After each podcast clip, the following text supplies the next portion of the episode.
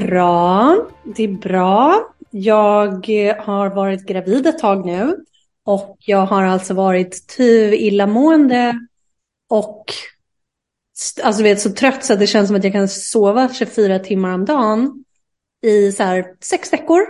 Så det är lite långtråkigt. Eller vet jag är lite så här, lite trött på den just nu.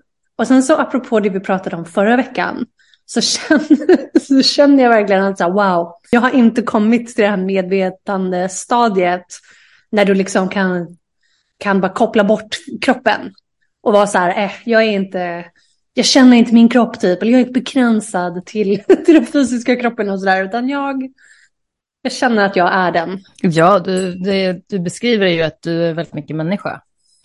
Ja, tyvärr då, eller alltså. Men vad då förra veckan var du ju on top of the world, lät det som. Ja, det kanske gjorde, gjorde det det? Eller det kanske är bara att det pendlar, alltså så här fortfarande för typ alla oss egentligen. Ja, alltså, och jag, i mitt fall så är jag nog, alltså jag är nog fortfarande ganska alltså, högt uppe så att säga. Men, ja, men, just, men just på den punkten då, alltså, vi, när man når någon viss nivå liksom, så kan vi typ sluta identifiera oss själva i våra kroppar och man behöver inte känna, behöver inte känna så mycket men liksom fysiska åkommor typ, eller man har så mycket energi så att du, du kan jobba 12 timmar om dagen, typ, ra, ra, ra. För att man är så, du vet, man är så uppkopplad liksom till universum och Gud och sådär, att det bara finns ändlöst med energi. Jag känner att jag inte nått den nivån. Nej, jag förstår. Nej, jag tror att det är ytterst få som är så pass, eller att de flesta är mer så att man, man har sådana perioder då och då. Ja visst. Nej, men så högst, högst mycket människa sådär som du sa, alltså det har ju, det har ju till. Hur är det med dig själv där borta då? Jo, det är väl också väldigt mycket människa. Jag har ju som tema just nu att eh, släppa på kontrollen fortfarande. Jag bara, ly lycka till, grattis. Ja, men alltså, jag lyssnade på den här astrologen som jag träffade förra året. För att jag spelade in det samtalet. Mm. Och så lyssnade jag på det ganska nyligen och var så här, oh my god, alltså ett att det var så mycket som stämde kring det här året som har gått, men även att hon var väldigt så där, ja, du är nog på G till massa processer just nu. Och alltså för mig så är det, min pappa har ju varit sjuk ganska mycket senaste två åren och nu är han utomlands i Turkiet och har blivit sjuk där. Och det, alltså när han har varit sjuk här, då har jag ju ändå kunnat liksom, ja, men man är med på något hörn i alla fall och man kan åka dit och lämna av saker. Men nu när han är där, alltså jag har ju liksom verkligen inget att säga till om. Och plus att så här, jag ska åka till Portugal imorgon. Tanken var att de skulle komma hit i övermorgon och sådär, men jätte, jättesvårt att tvingas vara hands off liksom. Ja, just det. Det kan jag ju förstå. Men eh, alltså det är inte superduper kritiskt. Liksom, men det är bara hela grejen. Och jag tror speciellt i min familj, har jag alltid haft den rollen att så här, om det är något issue så får jag liksom samordna och leda i princip. Aha. Och eh, ja, som sagt, nu kan jag inte ens det. Så. Men då är det, um, tror du det är jobbigt för resten av familjen också att du inte kan göra det du brukar göra? Ja, alltså vet, alltså, om jag ska vara helt ärlig, vi har inte sagt någonting till mina brorsor. Och jag förstår det. Och grejen är att han har varit sjuk i några dagar. Mamma har inte sagt någonting förrän idag när han åkte in. Liksom. För att lite så här, inte oroa. Mm -hmm. Så mina brorsor vet nog inte om någonting än. Och sen så med mamma har jag pratat ganska mycket härifrån och jag har fått sköta mycket av det praktiska. Liksom, att man ja, men, vet, så här, ringer försäkringar och googla lite så här, vad, hur funkar det och vart kommer han åka in någonstans där borta och lite sånt där. Så att eh, jag är ju ändå med på något hörn med mamma. Jag tror att hon är okej okay ändå. Med att det är hon som får sitta där med alltihopa liksom. Ja. Men eh, det, som sagt, det, det, blir ju så här när man inte har så mycket val. Då får man ju bara göra det man ska göra. Liksom. Ja, jag var också på väg att säga det. Att när man inte har så mycket val, ja, då då är det bara att köra på. Ja, exakt. Men det, det blir ja. nog bra. Det blir det nog. Och du vet hur folk brukar säga också, eller vet, vi upplever nog det allihopa, eller hur? Att när man inte heller har något val så hittar man ju en ny typ av styrka eller en inre... Du vet, man säger wow, jag visste inte ens att jag var kapabel till det här förrän jag blev tvungen att vara kapabel till det. Exakt. Det är väl det som är så här gömda blessings liksom. Ja, exakt. Så det, det blir nog bra, ja, som du säger. Ja. Vad mer då? Alltså hur, ehm, hur ligger det till med våra kärleksliv typ? För att alltså när vi började med det här, att vi skulle göra en podd, då hade vi nog tänkt oss att det skulle handla ganska mycket om relationer, eller hur? Och så här, rom, ja, men, det roman, den romantiska delen av livet, vara singel versus att vara i relation och sådär. Och sen så kommer vi in på annat ganska ofta. Men jag blev, jag undrade, ska vi prata om det nu och säga bara, vad händer i våra kärleksliv? Ska vi nämna det? Ja, absolut, det skulle vi kunna göra. Men, men, du kan ju börja, det känns som att du har ju mer. Jaha, ja. jo, alltså jag känner att jag nu har jag gått in i någon, i någon ny så här ödesbestämd relation och blev med barn blev jag också.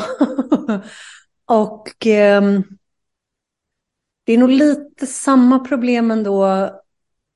Eller vet, det är så här genomgående röd tråd, vet, att mina issues, det i, både i min kärleksrelation och i resten av livet, handlar nog ganska mycket om att jag har lite svårt att liksom komma överens i mig själv med vad som är, vad som är mitt ego och vad som är men, mitt själsliga jag då, så att säga. Och det stör mig, det stör mig ganska mycket. För att jag, jag och mitt ego, vi blir ju så här frustrerade och besvikna eller lite upprörda typ om vi inte får som vi vill. Och jag har, eller vet, det är så här, du vet, det är lite svårt. Det är lite svårt att typ ge med sig eller ge upp på så här egoambitioner typ. Men jag vill ju göra det så att jag blir hela tiden jag blir hela tiden ställd mot de här grejerna och ska hela tiden då bara overcome, eller kom ta mig, ta mig förbi de här spärrarna, om jag nu kan kalla det för det. Jag har lite, som sagt, alltså jag, jag har jättesvårt ibland att bara förstå mig på vilket som är mitt ego och vilket som är någonting annat och sådär. Och så blir jag också, så blir jag också lite sur då på, på livet eller på världen för att jag, jag gillar inte att jag blir så påverkad eller att jag så inte kan rela, eh, vad säger man, reglera känslorna mer. Med mig och min, med killen nu då, som den här mönstermuslimen som är pappa till barnet och sådär. Ibland så har vi så en misskommunikation mellan oss som är, alltså den är helt, den är helt fantastisk. Den är helt otroligt liksom konstig tycker jag. För att det handlar inte om att det är någon som så här, att han eller jag döljer någonting för varandra eller att vi typ försöker så manipulera den ena eller den andra. Så här, det är ingen, ingenting sånt, du vet. Inga sådana grejer. Men det kan ändå bli sådana konstiga missförstånd mellan oss. Har du några exempel liksom, hur det kan spela ut sig? Jo, jag får väl ge det då. då. För att nu till helgen, eller under helgen, tidigare, förra helgen, så sa jag till honom att du borde komma ut hit till mig. Och eh, så ska vi göra det här och det här tillsammans, lördag kväll, söndag och du vet, det bara bla bla bla bla bla. Det här tycker jag att vi ska göra, att du ska komma hit. Och han typ var tyst, gav inte så mycket respons på det. Men han uttryckte liksom att han behöver verkligen vila. Han behöver verkligen vila och vet, det behöver han inte för han jobbar, han jobbar stenhårt och sådär och jobbar obekvämt typ långt ifrån han bor och bla bla bla. Så jag uppfattade det verkligen som att han så här respektfullt och med kärlek bara tackade nej till våra, eller till mina helgplaner för att han helt enkelt behövde, ville ta det lugnt, vara hemma, vila.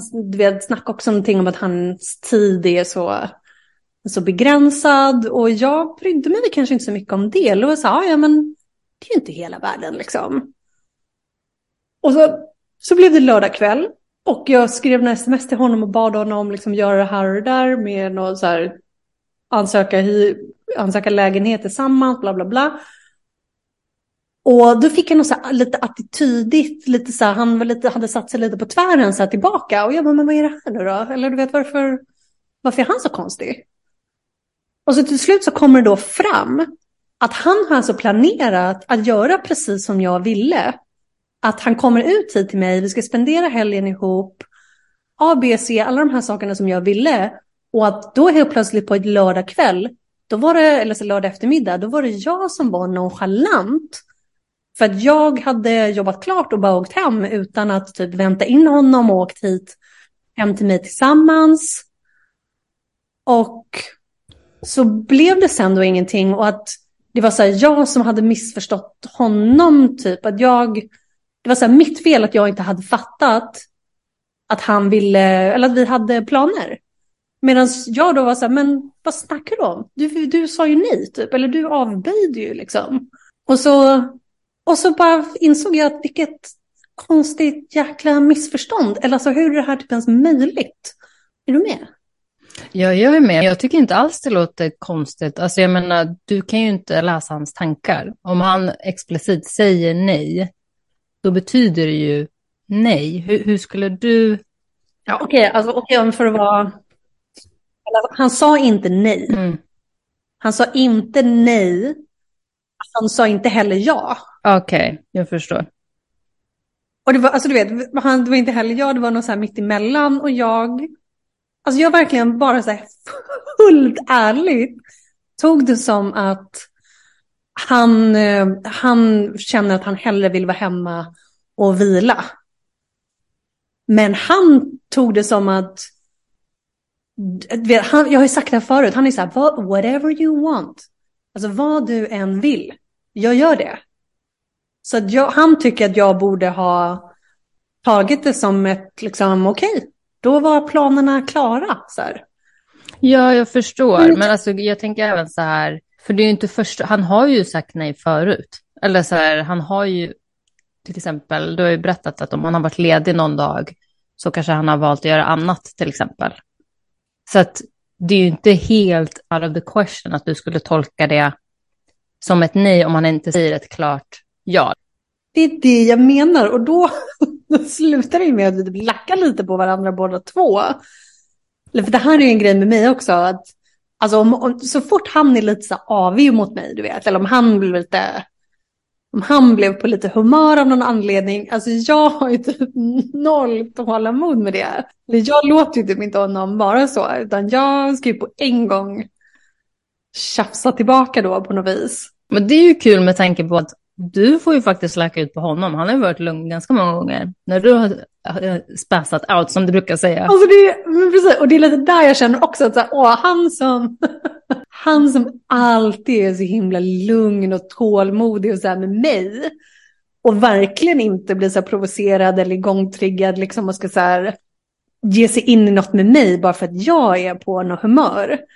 Så jag kan, jag kan liksom inte riktigt erbjuda det tillbaka. Men det kanske är det ni ska typ lära er av varandra. För jag tänker att ett, att okej, okay, för, för grejen är så här, ni har ju ändå som sagt relativt nyligen träffats. Så att jag tror att det, en del av det är ju bara att så här, lära känna varandra kommunikationsmässigt. Och samtidigt som att så här, okej, okay, nu har ni tjafsat kring det här. Vad har vi typ kommit fram till? Jo, att om vi ska bestämma något, att man pratar tydligt språk. Ja, nej, in, ingenting där man tolkar helt själv. Ja, alltså det får, det får bli alltså så, här, så superövertydligt i fortsättningen. Och han menar väl på det också, att så här, om du inte, eller han, han har sagt det till mig ibland, att så här, om, du inte riktigt, om du inte förstår vad jag menar typ, eller om du är förvirrad eller du vet, det är något som inte klickar, typ, fråga. Så här, fråga mig då mer grejer så att du inte bara antar att jag menar någonting när jag inte menar det och sådär. Mm. Men du vet, det är ju superrimligt och jättebra och sådär. Men typ just den här situationen så var jag så här, men jag kan inte, jag kan inte för, om jag missförstår dig, då kanske inte jag ens fattar att jag missförstår dig. Så hur ska jag då komma med så följdfrågor mm. liksom? Så jag, jag lackade, alltså, fan, mm. jag blev på det där. det gick, eh, det gick ganska snabbt över. Men, eh, men det är bra. Alltså det känns som det brukar göra det för er. Alltså att ni, eh, ni slår till lite så här bumps här och där, men det brukar ju lösa sig ändå relativt snabbt. Ja, vet du, det är något jag gillar. Det är typ något bland det bästa jag vet med honom. Det är att han håller aldrig fast vid sådana här grejer. Han är alltid så här, dagen efter typ så är det, då är det, då går vi vidare på nästa. Så här. Alltså det, han, han håller aldrig på. Ja, alltså det är ju om något är ju verkligen en styrka hos människor. Ja, men jag tycker det. Men då blir jag också så här, ibland blir jag också så provocerad över hur typ, utvecklad han är. Förstår du?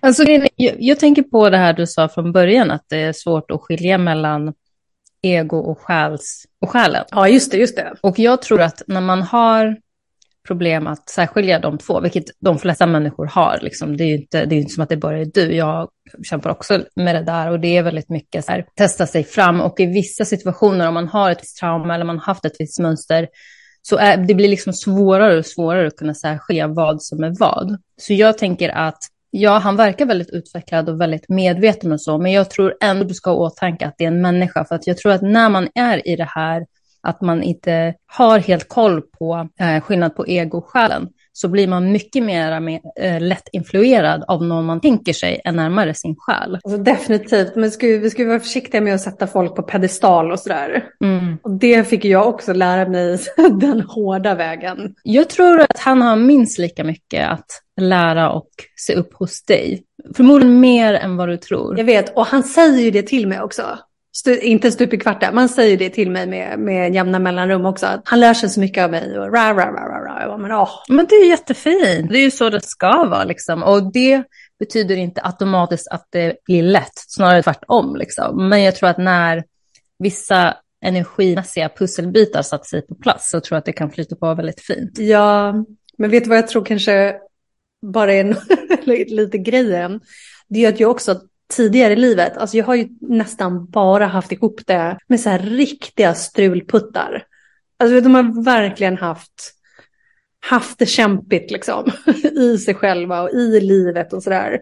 Och jag har alltid, jag har alltid då velat ha någonting mer liksom. Och sen när jag gjorde min egna helomvändning och började fundera på hur ska jag egentligen, liksom, hur ska jag kunna ha en fungerande romantisk relation. Liksom. Alltså jag, kan inte, jag kan inte ha det så som jag haft det tidigare. Liksom. Så vill, då ville jag väl ha, eller lärde mig liksom vad som snarare är det korrekta då, till skillnad från allt det liksom dysfunktionella och toxistiska, om det nu är ett ord, som jag haft tidigare.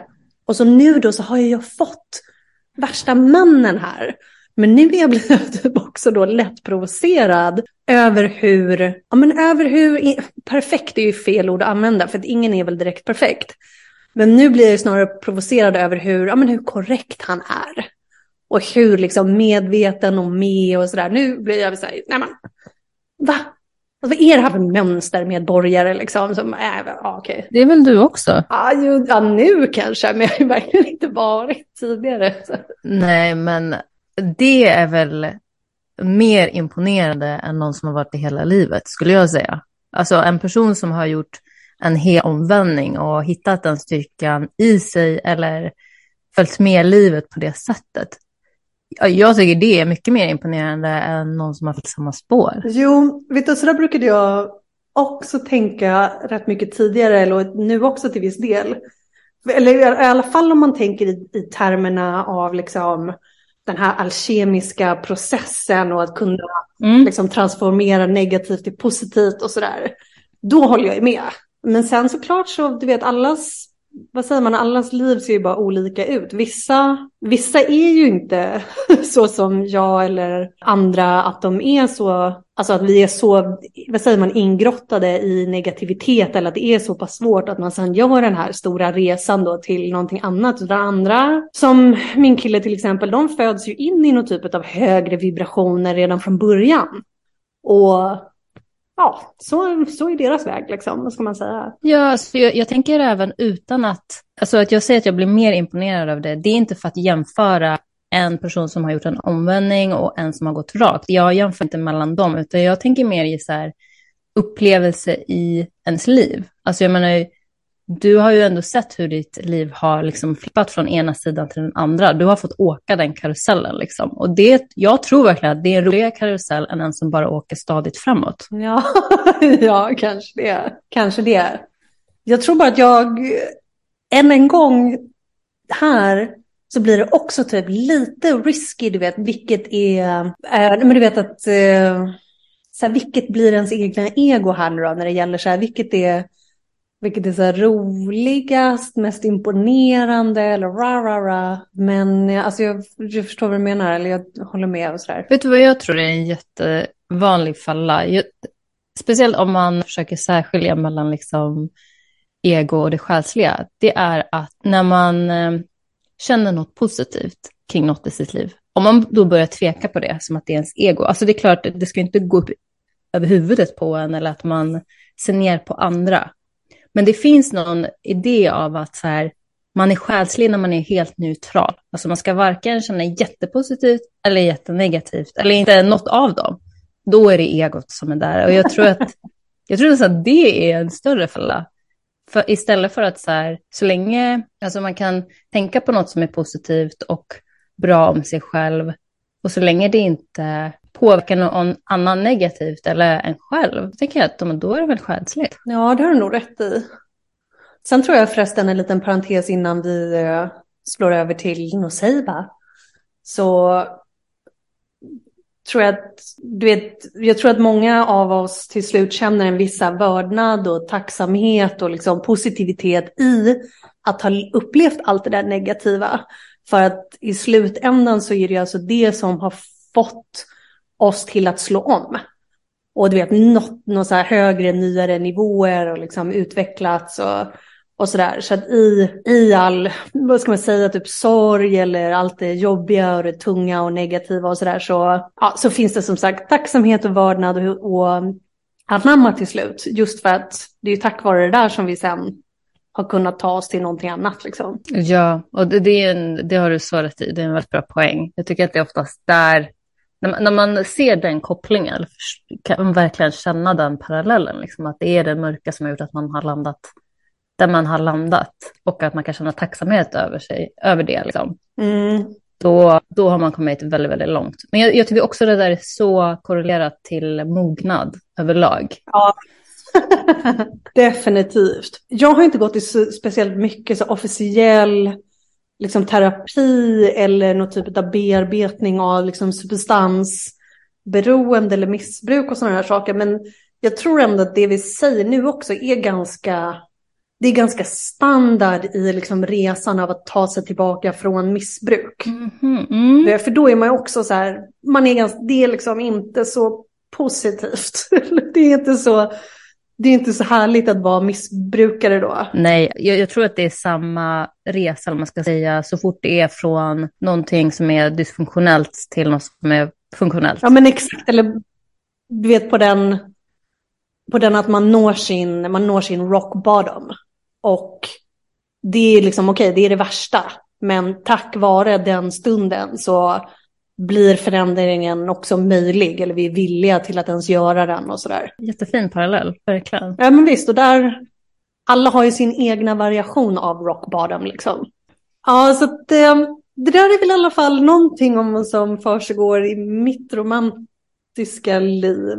Det känns som att det har skett väldigt mycket, men ändå inte samtidigt. Ja, typ. Och då, men här också, tillbaka till, till fighten så blir det så här, men åh, nu sitter jag ju här och har den här nya mannen och så ska jag bli mamma och vi ska ha en bebis och sådär.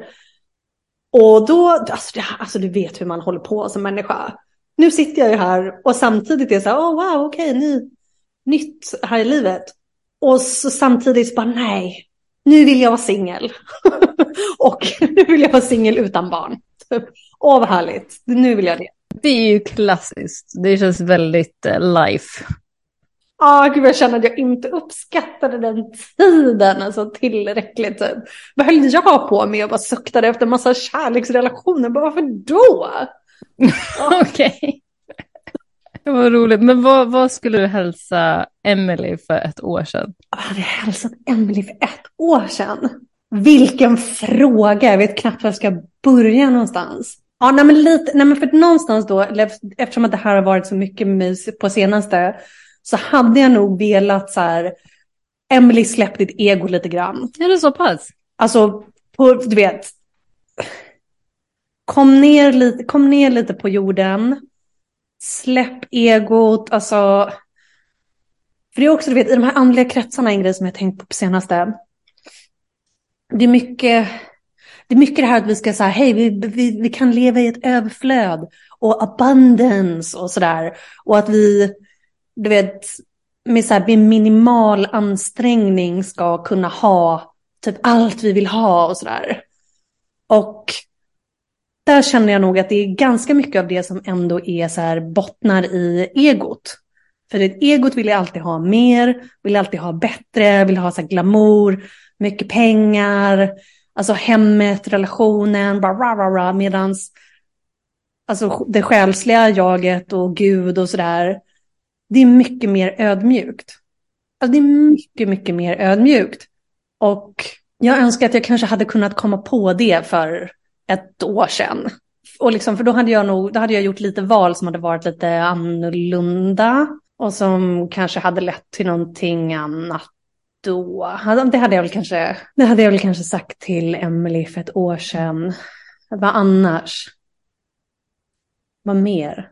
Jo, annars hade jag bara, alltså vad hade jag sagt? Eller hur hade jag kunnat få mig själv till att alltså, ta korrekt handling? För jag tror att det, var det, det är nog det enda som jag har tafflat lite på senaste så här, året, åren. Det är att jag inte alltid har gjort det som jag kanske ja, men, så här, borde ha gjort eller kunnat ha gjort, skulle ha gjort för att bara komma, komma vidare liksom, i, i, i livet eller i processer och sådär. Det är inga större problem. Men ändå så att det är så här, eh, synd. Synd, jag hade kunnat gjort lite mer faktiskt. Och inte, inte varit så pass liksom, avslappnad kanske. Nej men om något så tänker jag väl, alltså det känns som att vad du än säger så måste jag säga tvärtom. För grejen är, för jag tänker så här, varit mer att du skulle ha gjort med att du var för avslappnad. För att om någonting visar det väl att du borde verkligen ha varit avslappnad med tanke på vad som sker nu. Hur menar du? Nej men jag tänker att så här, att man är avslappnad innan en ny fas. Du visste ju inte då att du var på väg in i en ny fas liksom. Och eh, jag tänker mig så att du inte hade jobbat ihjäl dig fram tills den här punkten. När det kommer krävas ny energi bara för att det är en ny fas och det är så det brukar vara, att det drar lite mer energi i början liksom. Ja, alltså ja. Samtidigt som jag tror att jag kanske tillät mig själv att liksom luta mig lite för långt in i det här att så här, nu anammar jag min nu anammar jag mig min feminina princip och det betyder att jag kan ta det lugnt, behöver inte göra så mycket, liksom, etc. etc. Jag tror att jag kanske drog det lite långt vissa gånger. Men som sagt, ingen större, ingen större fara liksom, utan lite fine tuning bara. Ja, men det är väl eh, mer än godkänt betyg ja, tack. Och det, det, det inre barnet bara yes, lyckades ja. fick godkänt. Själv då, vad skulle du ha sagt till Nosei bara för ett år sedan? Jag skulle nog säga, ja jag vet inte. Jag tror inte jag har sådär jättemycket att säga. Vad jag kan komma på i alla fall. Nej, alltså grejen är mitt senaste år, senaste två år egentligen, har varit jättemycket om att så här, um, hitta en ny riktning. Liksom. Så att uh, mycket har varit så här behind the scene. Och jag är väldigt mycket så, om jag ska satsa på någonting så vill jag ju ha en stadig grund. Och det är ju typ det det har handlat om. Så att, eh, jag hade väl önskat att saker kunde gå lite fortare, men det går ju inte att pusha på sånt där heller. Liksom. Nej, vissa saker går inte riktigt att pusha på. Om jag får vara lite astrologisk då, en sekund. Så för en av grejerna som jag har tyckt alltså, de senaste två åren, som har varit så enormt trögt, liksom, har i mitt liv varit det som gäller karriären. Eller alltså karriär och liksom eh, det vi bidrar med till, till världen i princip. Eller liksom, visst, vårt, vårt yrke och lite, för mig så kopplas det där ihop med liksom hur man tjänar pengar. För det är klart att alla tjänar väl kanske pengar på liksom det yrket de har, men jag menar det vi lämnar efter oss i världen och våran kanske karriär eller det som vi är kända för och sådär, det är inte nödvändigtvis i allas fall samma sak som liksom ens kneg som ger en pengar, du vet, utan det där kan ju vara två skilda saker, men i mitt fall så går de väldigt mycket ihop. Och jag kan tycka att det har varit så enormt trögt då, som sagt. Och det jag ville komma till var att Saturnus, alltså den planeten, Saturnus, Saturn, som alltså har att göra med Vattumannens tecken och Stenbockens tecken.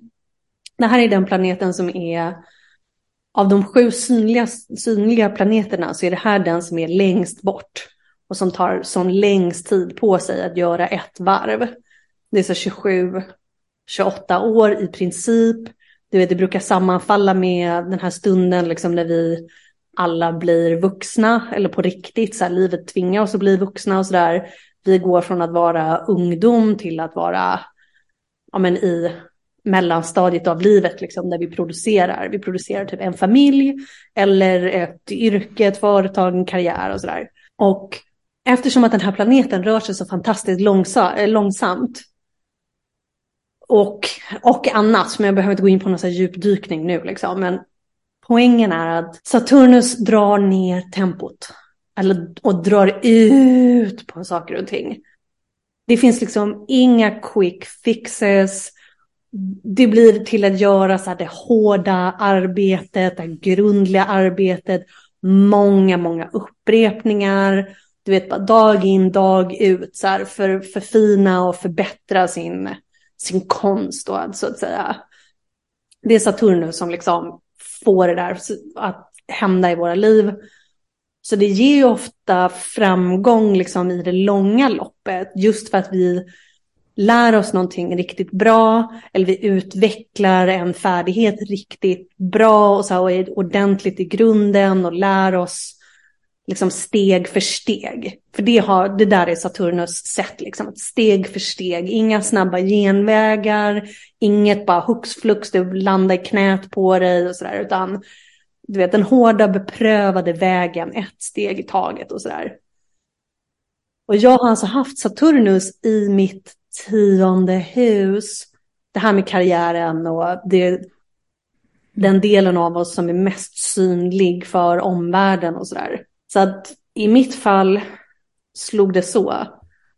Men hos alla andra så vill jag säga det att kolla liksom vilket hus som är vattumannen i in your natal chart. För att det området av livet kommer antagligen ha varit extremt trögt och kommit med mycket så frustration, många prövningar och det har varit extremt långsamt eller svårt att göra någon typ av ehm, eller alltså att ha kommit framåt gällande det ämnet, liksom det temat, det området i livet de senaste två åren. Och det håller i sig typ nu under vintern också. Mm. Ja, men det är väl ett jättebra tips. Det kanske ger folk en så här aha moment om, eh, om det är något område i ens liv som har varit lite mer segt. Det har sin astrologiska förklaring. Ja, exakt. Så det är liksom jätteskönt att ha lite koll på det där. För det, det kan liksom leda till en lättare eller större bara acceptans, du vet, inför livet. Att nu är det så här. nu är det så här och det är inte nödvändigtvis liksom någons fel, typ, eller att du inte har gjort tillräckligt bra, eller att det inte kommer hända, så att du är fel ute. Det är inte nödvändigtvis det, utan vi måste bara acceptera att Saturnus kommer kräva av oss att vi gör saker och ting på ett visst sätt innan det syns något, liksom, eller innan vi får ta del av något liksom, resultat. Mm. Ja, för jag tänker mig speciellt när man har kämpat med någonting och Speciellt om man ser omkring sig att så här, andra verkar ju ha det lätt med det här, för det är så segt för mig. Alltså att man lätt drar slutsatsen att det är en form av straff, när det är liksom, det är inte the bigger picture. Nej, precis. Precis. Och sen så till våren då så kommer alltså Saturnus gå in, kommer byta tecken och gå in i ett nytt liksom, hus då. Beroende på, beroende på vilket system man använder, ra, ra, ra, men det är ju överkurs just nu skulle jag säga. Men så till våren, då kommer alla få liksom en en, någon typ av flipp eller lite förändring. Att det som har varit så fantastiskt trögt de senaste två och ett halvt året, det kanske äntligen flyter på lite lättare. Medan nu så har vi den här bromsklossen liksom i en annan del utav livet istället. Och har något så här två och ett halvt år på oss att säga, jaha, se över det här, förbättra det här, göra allt det hårda arbetet, bra, bra, bra. Mm. Och det kan som sagt vara skönt att bara hålla lite koll. Ja, det är väl jättesmart. Jag kan ju din karta typ utan till och med bara tänka efter en sekund. För det här måste ju i ditt fall ha slagit i det sjätte huset va? Det sjätte huset har alltså att göra med våra dagliga rutiner, våra vanor, ofta liksom vårt arbetsliv då, för det har ju så mycket till den, den vardagliga vanan, det vi, liksom, det vi gör dag in och dag ut och sådär. Så det handlar väldigt ofta om våra jobb, eller hur vi står till tjänst för andra, där vi liksom uppoffrar oss lite grann. Hälsa kommer många gånger in där också. Eh, men dagliga rutiner, fysisk hälsa. Där har du haft Saturnus de senaste, senaste åren. Men det rings a bell om man säger så. Mm, det kanske gör det, för då ska vi också komma ihåg att en, en del i det, det är att också vi pratar ju liksom en cirkelkarta nu. Så att om vi pratar om Saturnus i sjätte huset, som i Nasibas fall, då det som blir precis mitt emot då, det är alltså det tolfte huset. Som är precis på andra sidan eller mitt emot. Som Saturnus liksom bara, vad säger man, alltså full frontal, liksom tittar på ditt tolfte hus. Medan i mitt fall, jag har haft det tionde huset, och det som blir tvärt då är alltså fjärde huset. Jag bear with me om det blir lite komplicerat nu om man inte kan terminologin. Men för det som händer är ju också att det blir också en aspekt då till huset som står mitt emot. Och det kanske också blir någon typ av så blockering eller begränsning utav te teman som har det huset till. I ditt fall Nosiba så är tolfte huset eller det blir kanske också en så här, um, alltså begränsning dit, eller att det bara blir lite mer allvar. Typ att man måste vara lite mer praktisk och liksom lite seriös och sådär. Så tolfte huset handlar alltså om platser eller liksom upplevelser där vi är isolerade från omvärlden. Så fjärran länder, en viss, eh, liksom till en viss mån andligheten och det här med andra liksom världar, typ vår drömvärld. Det handlar om det sjätte huset handlar om fysisk hälsa, så handlar det tolfte huset om psykisk hälsa eller andlig hälsa och sådär. Mm. Så de, du vet, de så speglar varandra fast med lite olika, olika flavors. Mm. Och jag som har haft Saturnus i tionde huset som alltså handlar om det här, det som syns mest utåt och det vi lämnar efter oss och vår status och liksom det som folk typ kommer ihåg av oss eller om oss när vi har gått bort och sådär. Det står ju i relation till på andra sidan det mest, det innersta och typ vårt hem. Vårt fysiska hem och vår inre värld och det emotionella och sådär och det som är mest privat. Jag har också haft det lite så här, jag har haft det lite svårt att hitta, eller jag har inte haft någon så här trygg punkt under de här, eller inte trygg, jag har visst haft trygga punkter, men jag har inte alltså, bott på ett och samma ställe under de här senaste åren, utan flyttat runt ganska mycket. Mitt, ar mitt arbetsliv har också till viss del blivit så begränsat just på grund av boendesituation och sådär, eller de har gått ihop och ja, Spännande, spännande, spännande. Jag tänkte precis säga det, för att när vi har pratat om olika issues som vi har gått igenom eller haft, du har ju pratat, eller ett tag pratade ju du väldigt mycket om just boendesituation och jobbsituationen. Eller hur? För jag fick ju också under de här senaste två åren ta och acceptera och inse att så här, jag måste förändra mitt sätt, eh, alltså min boendesituation. Eller jag kan inte vara någon typ av så här nomad, vagabond, bara flyga omkring längre för att det påverkar mitt arbetsliv. Eller jag kan liksom inte lägga den fokusen, det fokuset som behövs på mitt arbetsliv för att den livsstilen bara är inte, är inte gynnsam för det och så här, har varit tvungen att inse att så här, okej, nu är det liksom, nu har det varit slut på det där. Och nu då när Saturnus wraps that up, då ska du ju ändå flytta in med någon och få ju mer stabilitet än någonsin på den fronten ju. Ja, gissningsvis. Ja, speciellt om det är mot våren. Ja, precis. Då gissningsvis så kan man ju tro att det där liksom inte längre är, riktigt kommer vara något issue. Mm. Att vi kommer ha jobbat oss igenom det där och sen är det vidare till nästa. Gud vad intressant. Jättespännande, verkligen. Ja, kul att du tycker det. Jag, jag gillar ju att prata om det här, du vet. Ja, men det märks. Jag brukar alltid säga det, att det märks när någon älskar vad de pratar om. Ja, och vet, jag tror också att det är så många som, som faller in i rollen som liksom lärare eller guide eller mentor eller något sånt där. Som, du vet, när, när någon är på den där punkten att säga, jag behöver inte ens få någonting tillbaka av det här riktigt. Du vet, det måste inte vara så pengar tillbaka eller jag vill bara, jag gillar bara att det är någon som vill lyssna typ. så, det är tillräckligt. Typ. Även om mitt ego också då lite i bakgrunden är så här, hoppas, hoppas det är bra karma typ eller någonting. Så att universum kan ta hand om mig och typ ge mig den här fina nya bostaden. och sådär. Mm. Okej, okay. tror du att det räcker för idag? Jag tror det. Okej, okay. då räcker Next det. Time. Ja. Next time som sagt. Tack för idag. Mm, tack för idag.